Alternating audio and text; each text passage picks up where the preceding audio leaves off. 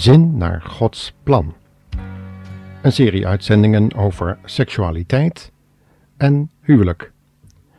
En in dit geval, in deze uitzending, seksualiteit is geen kinderspel.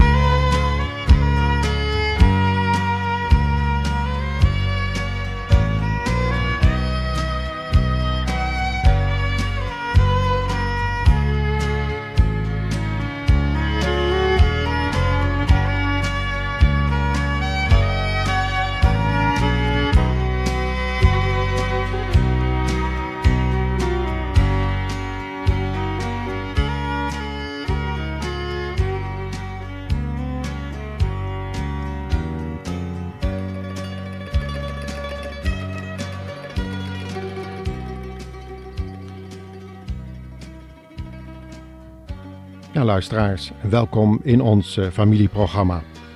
Met als thema dat seksualiteit geen kinderspel is. Laten we het samen nog eens duidelijk stellen in dit programma. Seks is een scheppingsgegeven van God. God heeft het lichaam van de man en de vrouw zo gemaakt dat ze behoefte gevoelen aan elkaar en dat ze beide in een heilig huwelijk verenigd deel zouden hebben aan de voortplanting van het menselijk geslacht. Laten we dat nog maar eens lezen uit Genesis 1, vers 27 en 28 en ook uit hoofdstuk 2. Als man en vrouw schiep hij hen. God zegende hen en zei: Vermenigvuldig je, bevolk de aarde en onderwerp haar. Dit verklaart waarom een man zijn vader en moeder verlaat, zich bij zijn vrouw voegt en werkelijk één met haar wordt. Met andere woorden, Gods bedoeling is dat bij een natuurlijk verloop van zaken uit alle normale huwelijken kinderen zouden voortkomen.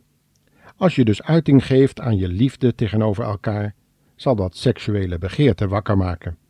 Maar als seksuele begeerte buiten het huwelijk wordt gestimuleerd door nauw lichamelijk contact, is de kans groot dat alle weerstanden wegvallen. Ingetogenheid, een christelijke opvoeding, een rein hart, goede bedoelingen een sterke wil dat alles kan bezwijken voor de kracht van opgewekte seksuele begeerte. En we kunnen gerust stellen dat deze seksuele driften sterker zijn dan welke opvoeding of voorgenomen goede voornemens. We moeten dat maar goed vasthouden. Zo dadelijk zal ik eventueel nog een misverstand uit de weg ruimen maar dan eerst nog even muziek.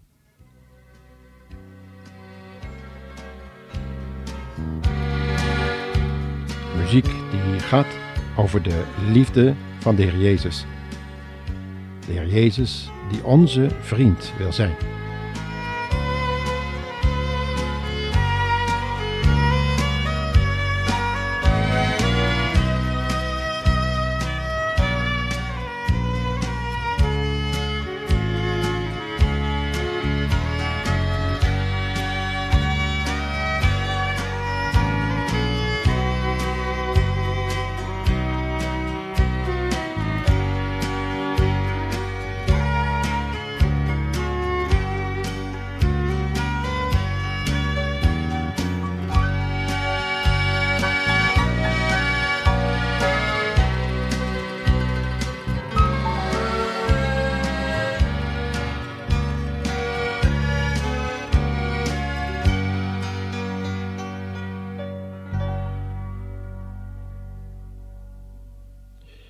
Minuten geleden noemde ik uh, dat uit elk normaal huwelijk kinderen geboren zouden kunnen worden.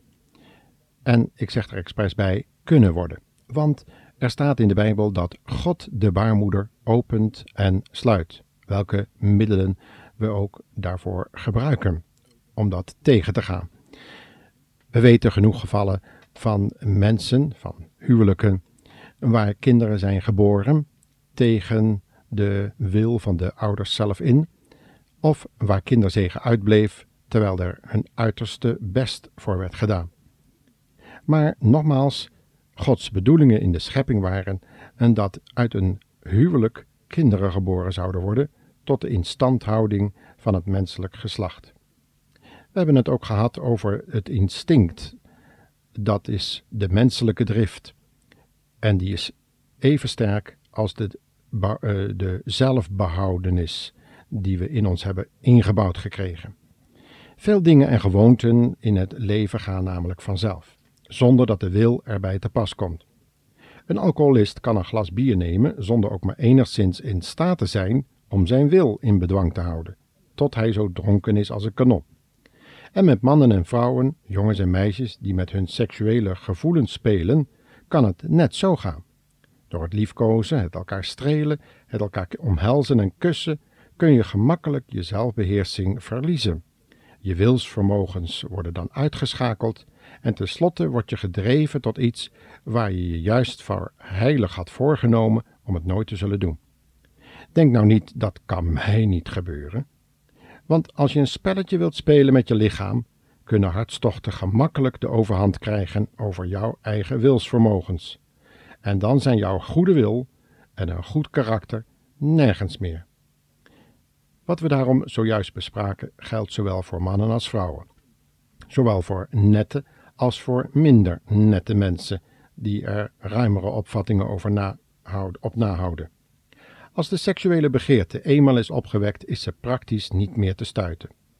Dan mag je nog zo goed weten dat de begeerte naar een ander dan je eigen huwelijkspartner zondig en gevaarlijk is, op dat moment vergeet je alles. Het is als met de gevaren die verbonden zijn met het gebruik van drugs en alcohol. Men vergeet ze gemakkelijk door de diep gewortelde hunkering die ontstaan is door langdurige gewoonten.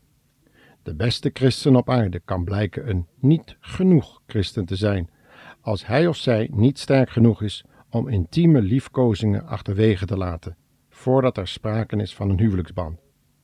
Een alcoholist kan in tranen beloven en plechtig zweren dat hij nooit meer vrouw en kinderen verdriet zal aandoen, maar één glas bier kan hem er al toe brengen zich weer in dronkenschap en verderf te storten.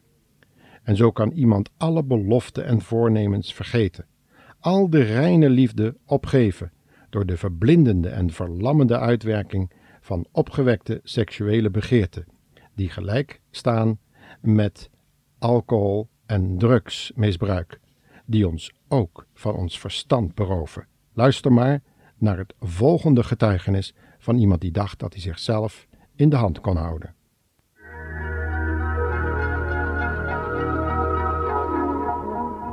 Ik ben uh, zeg maar als jongen van 14 jaar op een werkweek uh, uh, in aanraking gekomen met alcohol. Ik heb mijn eerste pilsje toen gedronken en toen echt die ontspannen werking ook ervaren. En ja, toen ging ik meteen ervaren dat uh, dat handig was om bepaalde moeilijkheden uit de weg te gaan. Nee, ik was geen kroegloper, want uh, ja, ik, uh, ik dacht ontkennend van nou, dat, dat is voor een, een alcoholist. En ik gebruik dan wat alcohol, zo nodig, dus bij spanningen, thuis. Dus ik ging het halen bij, ja, bij de melkboer en bij de supermarkt. En achter valt er helemaal niet op als je daar met een krat loopt te sjouwen. Want iedereen loopt met een krat te sjouwen en zelfs met twee wel eens. Mijn scene, zoals dat dan in de verslavingswereld heet, uh, was eigenlijk mijn huiskamer. En uh, ja, daar zat ik dan met uh, flessen om me heen. En op het laatst was het zo, en dan spreek ik over het moment dat ik dus eigenlijk me eigenlijk meer dood dan levend liet opnemen in de hoop. Uh, dat ik uh, met een fles sherry uh, moest beginnen om de dag door te komen. In ieder geval de dag te beginnen. Ik ben bij de hoop terechtgekomen op het moment inderdaad dat het bijna uit de hand liep. Ik werd namelijk op een gegeven moment geel. En mijn vrouw zei van, je moet eens naar de huisarts gaan, want die leverfuncties, voor jou moet je eens laten prikken, want dat was niet goed. Ik zei, oh nee, dat valt allemaal wel mee hoor, dat dat loopt wel los. Ook dat ontkende ik. Ontkende zelfs dat ik geel werd. Van, uh, oh, dat valt allemaal wel mee, ik moest kijken. Maar goed, ik ben toch naar de dokter gegaan, die prikte die leverfuncties en er kwam uit dat, uh, dat het heel slecht was. Hij kwam me namelijk vertellen dat ik met de dood in de schoenen liep. En nou, dat was voor mij de druppel uh, die de emmer deed overlopen.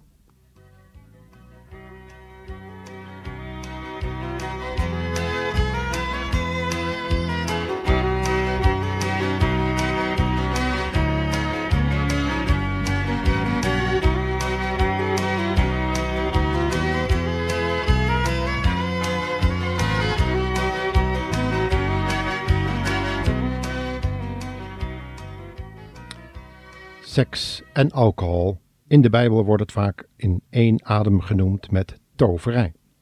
Zo hoorde ik eens een beleidenis van een 15-jarige scholiere aan.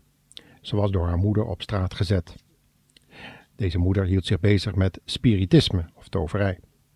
Daar haar dochter hier niet van hield, er ook niet tegen kon en er vreselijk angstig van werd, moest ze het huis uit en moest maar zien hoe ze op zichzelf ging wonen.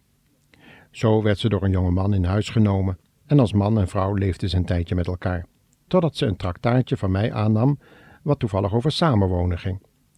De volgende zaterdag passeerde ze de Bijbelkiosk waarin ik op dat moment stond opnieuw en vroeg hoe ze van haar zondige levenswandel verlost kon worden. Ze bekeerde zich in die eh, momenten tot de Heer Jezus, nam hem aan als haar verlosser. Maar ze bleef samenwonen met de jongen die haar in zijn kamer opgenomen had. Dit is vaak een algemeen probleem onder jongeren. Dat ze de Heer Jezus wel als hun verlosser willen aannemen, ook wel wonderen en tekenen in hun leven ervaren. God is zo barmhartig dat Hij ook wel op dat moment verlossing wil geven, maar dat ze eigenlijk niet in de gaten hebben dat de Heer Jezus Heer wil zijn in hun leven. En dan vallen ze spoedig terug. In het begin bracht ze de morele kracht nogal op om een intiem samenlevingsverband te beëindigen. Maar tenslotte bezweek ze voor de steeds sterker wordende begeerte. Een jaar later ontving ik een briefje van haar. Of ik haar nog wel wilde ontmoeten en helpen, want ze had inmiddels abortus gepleegd. De Heer Jezus was gelukkig, trouw en barmhartig voor haar, ondanks haar ontrouw en ongehoorzaamheid. Later trouwde ze, na vele gesprekken, met een gelovige jonge man. En zij wilden samen nu voortaan uit genade leven en de Heer Jezus nu ook als Heer dienen. Maar het had ook allemaal heel anders kunnen aflopen. En wat zie je dan voor gevolgen? Meisjes die voor hun leven getekend zijn, verlept, vroeg oud, ziek, zonder toekomst, in grote financiële moeilijkheden komen en daardoor soms ook in de gevangenis. Ja, en ook soms in bepaalde huizen, waar ze hun lichaam verkopen, zodat ze hun laatste beetje eergevoel verliezen. Wat is dat een geweldige afgang? Seks is echter toch een gave van God. Ze is bedoeld voor ons geluk en voor ons welzijn. Ze is bedoeld om één man en één vrouw samen te verbinden en samen tot een gelukkig gezin te maken waar wederzijdse liefde en respect de band vormt tussen ouders en kinderen. Maar als ze bedorven wordt door verkeerd gebruik, zonder rekening te houden met Gods woord, kan seks de meest dodelijke vijand worden van iedere man of vrouw en tot verschrikkelijke ellende leiden. Wat is het dan goed dat de Heer Jezus wil helpen, zodra je je knieën buigt en schuld en zonde aan Hem vertelt, zodat Hij je ervan kan verlossen. thank you